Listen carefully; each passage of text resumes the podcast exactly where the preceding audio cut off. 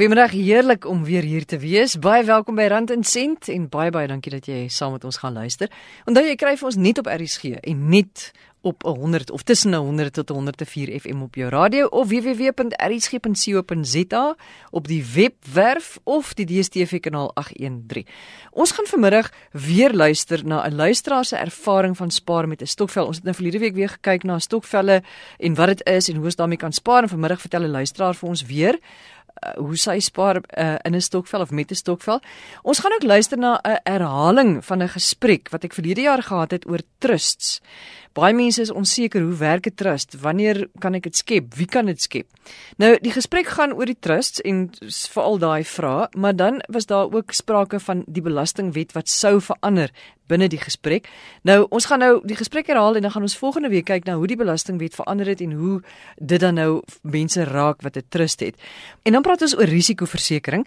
Dis nou daai versekering wat jy gaan uitneem om seker te maak dat jy 'n inkomste het in geval jy nie kan gaan werk nie omdat jy siek raak of omdat jy miskien in 'n ongeluk was of omdat jy tydelik of permanent ongeskik is. Maar kom ons luister gou na Anita van Tonder, ons luisteraar se ervaring met stokvel en hoe sy daarmee gespaar het of spaar. Uh, dis dan my huiswerker. Hulle het al jare wat hulle aan dit behoort en ek was nogal nuuskierig geweest om te weet hoe werk die ding en ehm um, wat is hulle opbrengs daaruit. En ek het toe so 3 jaar terug het ek aangesluit by dit en op daai stadium was ons so 15 lede geweest. Hulle het 'n uh, 'n riglyn waarvolgens hulle werk, hulle het 'n bankrekening wat hulle die geld in betaal en hulle het nogal redelike streng reëls uh, verbonde aan dit ook. Ook wat sy doen is daar van ehm um, die mense wat vir byvoorbeeld vir begrafnisgeld leen of vir een of ander iets wat hulle geld leen en dan vra sy 'n paar persent rente op die geld wat dan terugkom en daar geld gaan terug in ons bankrekening. So ehm um, ons rekening groei redelik dat ons teen die einde van die jaar so ongeveer 40% opbrengs het die belangrikste ding van so 'n ding is is dat jy moet lede in het wat jy kan vertrou en dan moet wederwysige kommunikasie wees dit moet openhartig wees en en jy moet gereeld met net praat daaroor om te sê goed waar trek jy rekening? is almal in want as jy byvoorbeeld laat betaal dan moet jy 10% rente betaal op uh, elke dag as jy of sien maar 'n week se tyd wat jy dan nou laat is. So net om seker te maak dat almal se geld is betyds altyd in. Is daar 'n bepaalde rede of ding waarvoor jy spesifiek spaar of is hierdie man bloot net 'n spaarrekening vir julle? Dit is basies vir die uh, mense wat hulle hulle spaar hierdie jaar en dan Desember maand dan trek hulle of dan betaal hulle al die geld uit. Want dan gebruik hulle dit dan vir Kersfeesgeld en dan hoofsaaklik ook vir Januarie vir skoolklere en skoolfooie. En moet almal dan al hulle geld uittrek of kan jy besluit kan jy kies? Ja, hulle hulle betaal dit uit en maak hulle rekening skoon en dan begin ons Januarie begin ons weer dan met 'n nuwe dieselfde rekening maar dan begin ons nou net weer ons nuwe inbetalings dan. Anita, weet almal toegang tot hierdie rekening? Is dit net een persoon of het almal van julle toegang tot die rekening? Nee, daar's twee persone wat toegang het en albei moet bank toe gaan om geld te kan uittrek. So dan moet albei se handtekening moet daarop wees en dan gee hulle vir ons ook deur hulle soveel geld getrek en hulle gee vir ons ook deur hulle soveel geld vir die maand gebank. En jy sê mense moet mense baie goed kan vertrou want iemand kan mos nou maar gaan en daai bankrekening gaan leegmaak en verdwyn. Die risiko is daar so en ehm um, die mense wat daaraan behoort is alles hulle het ook altyd die idee van win-win lose-lose. In die geval van daar is baie keer wat jy wel 'n bietjie kan verloor maar dan is daar ook kere wat jy meer kan wen verlede jaar het ons 'n bietjie slegte jaar gehad. Ons het 25 lede gehad toe wat die groep te groot gemaak het en dit was moeilik om weer uit te voer oor die oor 25 mense. Hierdie jaar het ons teruggegaan net na 15 lede toe wat dit makliker maak logistiek om om te kan weet. Dit is die mense wat oorspronklik begin het. Ons dis almal betroubaar. Almal het hulle geld inbetaal en as hulle geleen het, het hulle ook definitief hulle geld terugbetaal. So dit is dit is uiters belangrik dat jy moet die mense ken met wie jy dit doen en jy moet weet waar hulle bly of hulle kan opspoor. Ons vat nie glad nie vreemde mense in wat jy glad nie weet waar hulle vandaan kom nie. Wat doen jy nou as iemand nou 1 maand nie daai bedrag kan inbetaal nie? Dan moet daar 'n aantekening gemaak word en dit dan eers die volgende maand inbetaal moet hulle ook weet hulle gaan rente betaal op die maand wat hulle dan nie inbetaal het nie en almal aanvaar dit ook so. Dit gebeur definitief want dit is maar menslik dat daar daar gebeur hierdie maand iets en iemand kan nie sy geld inbetaal nie. Dit is ook gelukkig dat dit nie dit nie 'n verskriklike groot bedrag nie ons betaal tussen 200 en 400. Ek het twee posisies wat ek in is, so ek betaal 400 rand per maand. Die ander is meestal op 200 rand per maand. So dit is nie 'n verskriklike groot bedrag nie, maar dit gee jou definitief daarom Desember maand daai ekstra bonus want nie een van die wat in is kry 'n jaarlikse bonus basies nie. So hierdie is maar basies hulle bonus. En wat as iemand nou in die middel van die jaar besluit ek wil nie meer deelneem nie? Wat doen julle dan? Ons het nog nie eendag so geval gehad nie. Ons het al in die ehm um, groep ingeskryf dat daar moet dan iemand inkom. Daardie persoon kan iemand inbring of een van die 15 kan dan 'n persoon inbring wat wat almal ken. En dan daai persoon se geld wat hy dan nou inbetaal het vir daai tydperk vir daai nuwe persoon dan gee en dan betaal ons net daai persoon uit wat wat dan nou wil uitgaan. Dis bietjie gelukkig nog nie so 'n geval gehad nie. So dis bietjie soos om aandele te koop in iemand se onderneming. Dis amper so iets, ja. Ek weet van die ander stokvelle wat hulle gehad het, betaal twee keer 'n jaar uit. Maar uh, hierdie ene wat ek ingegaan het, betaal net een keer 'n jaar uit. Is daar enigiets anders wat jy dink luisteraars moet weet voordat hulle aan so 'n stokvel behoort? Maak seker dat daar ehm um, riglyne opgestel is dat almal dit geteken het en dat jy daarbey gebind kan word uh, maak seker dat die mense wat jy wat daar in die groep is, moet jy definitief ken. Dit hoef nie op 'n persoonlike vlak te wees nie, maar jy moet weet waar kom die persoon vandaan, is hy betroubaar? En kommunikasie. Kommunikasie is verskriklik baie belangrik in so 'n uh, groep waarin jy werk. En maak seker dat die persone wat wat jy inbring, kan dit bekostig om dit elke maand te kan doen. Dit help nie jy bring mense in wat net 2 of 3 maande kan doen en dan nou glad nie meer kan bekostig nie. Anita, hierdie is eintlik 'n baie goeie manier vir mense om te spaar. Dis amper soos om saam na die na die gimnasium toe te gaan. Jy weet, ons moedig mekaar 'n bietjie aan om te spaar. Ieder is wat jy nou maar alleen elke maand jou geldjie in die bank gaan sit.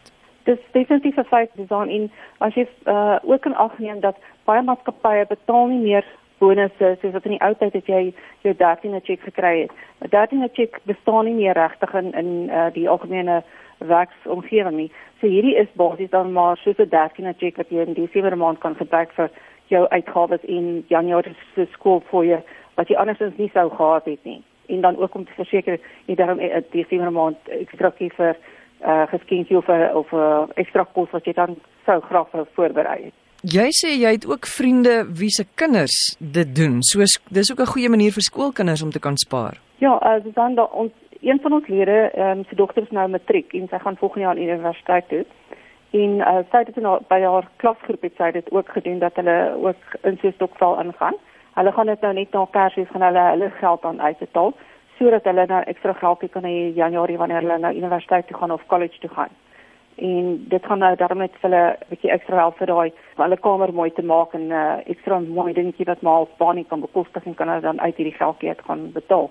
En hulle het hom ook maar gedoen met 200 rand 'n maand. So dis nie verskriklik baie nie, maar dit is 'n uh, addisionele geldjie wat hulle gaan hê einde Desember. En dit is luisteraar Anita van Tonder wat haar ervaring met stokvel met ons gedeel het. Jy luister na Rand en Sent op RSG en ons praat nou oor risiko versekering of risikodekking. Ines Havenga is van Old Mutual, hy is 'n risikoprodukbemarkingsspesialis. En Ines, risikoversekering is daai versekering wat ons uitneem om seker te maak dat as ons siek raak by die werk of ons kan vir 'n tyd lank of permanent nie werk nie, dat ons nie sonder 'n inkomste sit nie. Nou, baie keer dan dink 'n mens, ag, maar iets sal tog nie met my gebeur nie. Ek sal tog nie dit oorkom of dat oorkom nie. Wat is die kanse nou? Maar wat nogal baie mense tref. Hulle sê een uit 4 mense wat geraak word deur depressie of gemoedstoestand of gemoedsversteurings by die werk wat dan veroorsaak dat hulle met tye nie kan werk nie. Nou ons gaan kyk na siektedekking in die algemeen, maar veral statistiek wat jy dalk het rondom depressie en mense wat nie kan gaan werk nie of wat inkomste verloor as gevolg van depressie. Wat is dit? Dit is statistiek wys dat 1 uit 4 mense ly aan geestesgesondheid of geestesversteurdheid. En uh, en ek dink 'n groot deel daarvan is depressie of soos Engelsman sal sê stres wat 'n groot impak het op dit. So uh, ek het nie die nommers nie, maar ons eise statistiek uh, vir 2016 wys dat ehm, 'n um, groot deel van ons eise vir ongeskiktheid spesifiek was vir ehm um, depressie of geestesgesteurdheid. En selfs 70% van daai eise was uh, waar die kliënte permanent ongeskik was. Ehm um, en 30% waar slegs tydelik ongeskik was.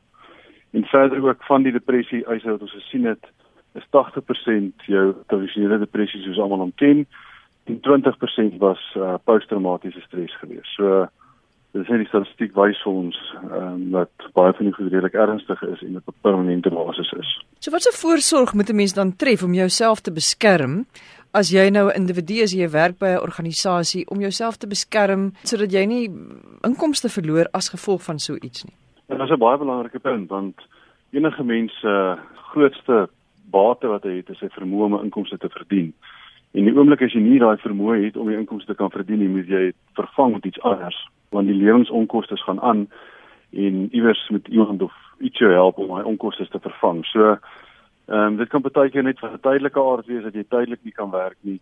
En dit is waar 'n inkomste vervanger of 'n tydelike inkomste vervanger baie belangrik is wat vir jou inkomste sal betaal wanneer jy tydelik nie jou beroep kan beoefen nie of dan as dit meer ernstig is waar jy permanent ongeskik verklaar word uh dan inkomste vervanger wat jy op 'n permanente basis jou inkomste sal vervang asook 'n kapitaal enkelbedrag wat vir jou 'n lompsom belastingvry uitbetaal wat jy kan gebruik om jou kapitaal uit kapitaal onkoste aan te gaan soos byvoorbeeld om aan te pas by jou leefstyl en voorsiening te maak vir al die ekstra mediese onkoste wat jy mag hê. As jy nou by 'n organisasie werk en jy moet nou vir 'n sekere aantal maande kan jy nie gaan werk nie want jy het nou miskien eh, 'n geestesprobleem of 'n emosionele probleem of jy ly aan depressie. Betaal daardie maatskappy nie nog in elk geval jou salaris nie. Ja, dit is 'n baie belangrike punt. Veral as ons kyk na tydelike inkomste. So jy kan 'n wagperiode kies wat aanpas by jou omstandighede. So meeste werknemers kry siekverlof wat gewoonlik 36 dae is oor 'n rollende periode van 3 jaar. So ek sal my my wagperiode aanpas volgens my siekverlof want mens wil nie uh, onnodige duurder premie betaal vir 'n korter wagperiode nie. So wanneer jy uit jou siekverlof uit is, kom ons neem aan dit is 3 uh, maande siekverlof, dan kan jy 'n wagperiode van so 'n aard vasstel dat nadat die siekverlof eindig, dat jou inkomstevoordeel dan die uitgawes verder dek. So die hele doel van die produk is of die voordeel is om jou inkomste te beskerm wanneer jy nie meer 'n inkomste het nie. So wanneer jy siekverlof verdien, is jy eintlik selfverseker deur jou siekverlof en daarna wanneer jy verlies in inkomste gaan hê buite die siekverlof sal die inkomste voordeel dan jou jou inkomste vervang na die wagperiode. Mens weet nie wat wat gaan môre met jou gebeur nie. So 'n klein ongeluk of besering kan veroorsaak dat jy nie werk kan doen nie. Dit gaan ook afhang van wat is die aard van jou werk. Sekere mense 'n klein besering kan veroorsaak dat hulle nie sy werk kan beoefen nie. So dit is nie net siekte toestand nie, maar dis ook beserings en baie van daai ander goedes. En die statistiek wys ook vir ons, dit is konstant en, en moenie dink omdat jy jonk is jy gaan dit nie nodig hê nie. Ons eise het gewys laas jaar dat selfs die ouderdom van 20 het ons ongeskiktheid en gevrese siekte eise betaal vir kliënte wat op ouderdom 20 geëis het. Ja, mens is nooit te jonk vir vir ongeluk om te gebeur nie. Net gou wat die wat die produk self aanbetref.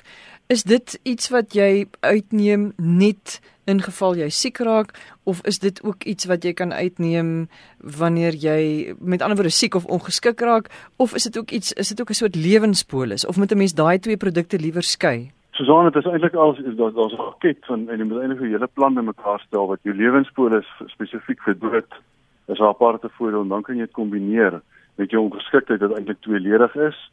Ja, ongeskiktheid is jy inkomstebeskermer vat maandelikse inkomste betaal wanneer jy nie kan werk nie, asook 'n kapitale enkelbedrag ongeskiktheid wat 'n enkelbedrag uitbetaal wanneer jy permanent ongeskik is. Maar dan ook jou gevreesde siektedekking wat sal uitbetaal wanneer jy byvoorbeeld 'n hartaanval of kanker opdoen en aan die definisie voldoen, dan sal uitbetaal op ehm um, wanneer jy die definisie voldoen om voorsiening te maak vir daai onvoorsiene uitgawes vir 'n gevreesde siekte om aan te pas by jou lewensomstandighede na die gevreesde siekte. So die beste ding is om eintlik met so, Dit is eintlik maar 'n kombinasie van voordele. En die beste ding is eintlik om met iemand te praat wat wat wat 'n spesialis op hierdie gebied is om vir jou volgens jou persoonlike behoeftes iets uit te werk. 100% korrek. Die beste is maar om met jou finansiële adviseur te praat en uh, hy sal vir jou 'n plan bymekaar stel wat aanpas by jou omstandighede en jou voorkeure Maar daar's nie een plan vir almal nie. Met elke plan moet opgestel word individueel vir elke individu apart en hy sal die regte voordele gee vir vir die omstandighede. Ek neem aan daar is ook 'n produk wat jy kan uh, in belê of koop of uitneem wat as jy nou permanent ongeskik raak, wat jou dan nou vir die res van jou lewe gaan voorsien van 'n inkomste. Weet jy, dit is eintlik al dit kan in een pakket bymekaar gestel word. So die inkomstebeskermer betaal vir jou vir tydelike verlies in inkomste as sowel as 'n permanente verlies in inkomste en saam met dit ook die enkelbedrag ongeskiktheid. So is basies twee produkte wat jy kan kombineer om te sê ek neem 'n gedeelte van my inkomste dek ek onder inkomstebeskermer en ek vat 'n kapitale bedrag vir as ek permanent sou ongeskik raak om voorsiening te maak vir die kapitaalkoste wat jy mag hê indien jy sou ongeskik raak. Ines Havenga, baie dankie vir al die inligting. Hy is Old Mutual se risikoprodukbemarkingsspesialis. Nou, ek het vir Lydia 'n onderhoud gevoer met Lennard Willemse, hy's 'n belastingkonsultant by Mazars. Ons het gepraat oor trusts, wat dit is, Wanneer skep 'n mens een? Hoe werk dit? Nou ek herhaal hierdie gesprek nou omdat daar so baie navrae van luisteraars is oor trusts en hoe dit werk en, en mense wonder of hulle dalk een moet skep of nie. Maar Lennard praat in die onderhoud van wetgewing wat gaan verander, wat nog gaan verander. Nou die wetgewing het nou intussen verander en ons gaan volgende week spesifiek daaroor 'n onderhoud doen hoe dit mense met 'n trust beïnvloed. Dit gaan dan nou oor belasting. Maar kom ons luister net gou hierdie week oor die gesprek wat ek en Lennard gehad het, net om agter te kom wat is 'n trust, hoe werk dit ensovoorts. Hier is Lennard. Susanne Trust is spesifiek 'n uh, amper al vir batebeskermingsentiteit met afsonderlike regsentiteit. Met ander woorde, indien daar bates in 'n trust is, behoort dit aan die trust. Tensy dit spesifiek gevestig is in die begunstigdes van die trust waar die trust basies net as 'n toesighouer optree. So 'n trust is is voordelig in die opsig dat waar 'n mens byvoorbeeld sit met minderjarige kinders en mens wil verseker dat hulle inkomste in die toekoms uh, gegenereer word en reg bestuur word, is 'n trust baie voordelig in die opsig dat jy 'n trustees wat gewoonlik persone is wat bietjie weet van finansies en batebestuur en goed, wat dan daardie bates namens die begunstigdes bestuur wat nie miskien die kennis het nie. So vanuit daai perspektief is 'n trust 'n baie aantreklike opsie rondom welvaartbeskerming, batebestuur en inkomste sekuriteit.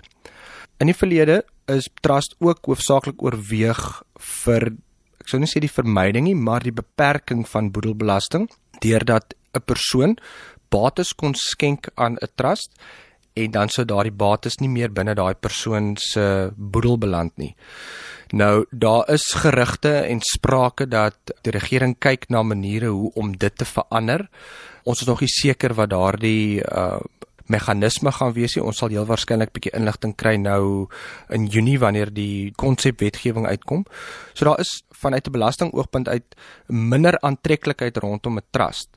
Wat mense moet onthou is dat 'n trust kan in die trust kapasiteit belas word en tans is dit 45% indien inkomste nie in die begunstigdes gefestig word nie. Nou wat bedoel ek met vestig? Vestig beteken jy as begunstigde het 'n onvoorwaardelike reg op daardie inkomste. En as 'n mens sit met 'n trust waar die inkomste volgens die diskresie van 'n trustee uitgekeer word, dan moet die trustees daai diskresie uitoefen in dieselfde tydperk wat die inkomste gegenereer word sodat die begunstigdes belas word. Byvoorbeeld, kom ons gestel jy sit met 'n klomp minderjarige kinders en elkeen word op die op die laagste marginale koers van 18% belas. As die trust inkomste genereer en daai inkomste kanaliseer af na die begunstigdes toe, dan word elke begunstigde op 18% belas.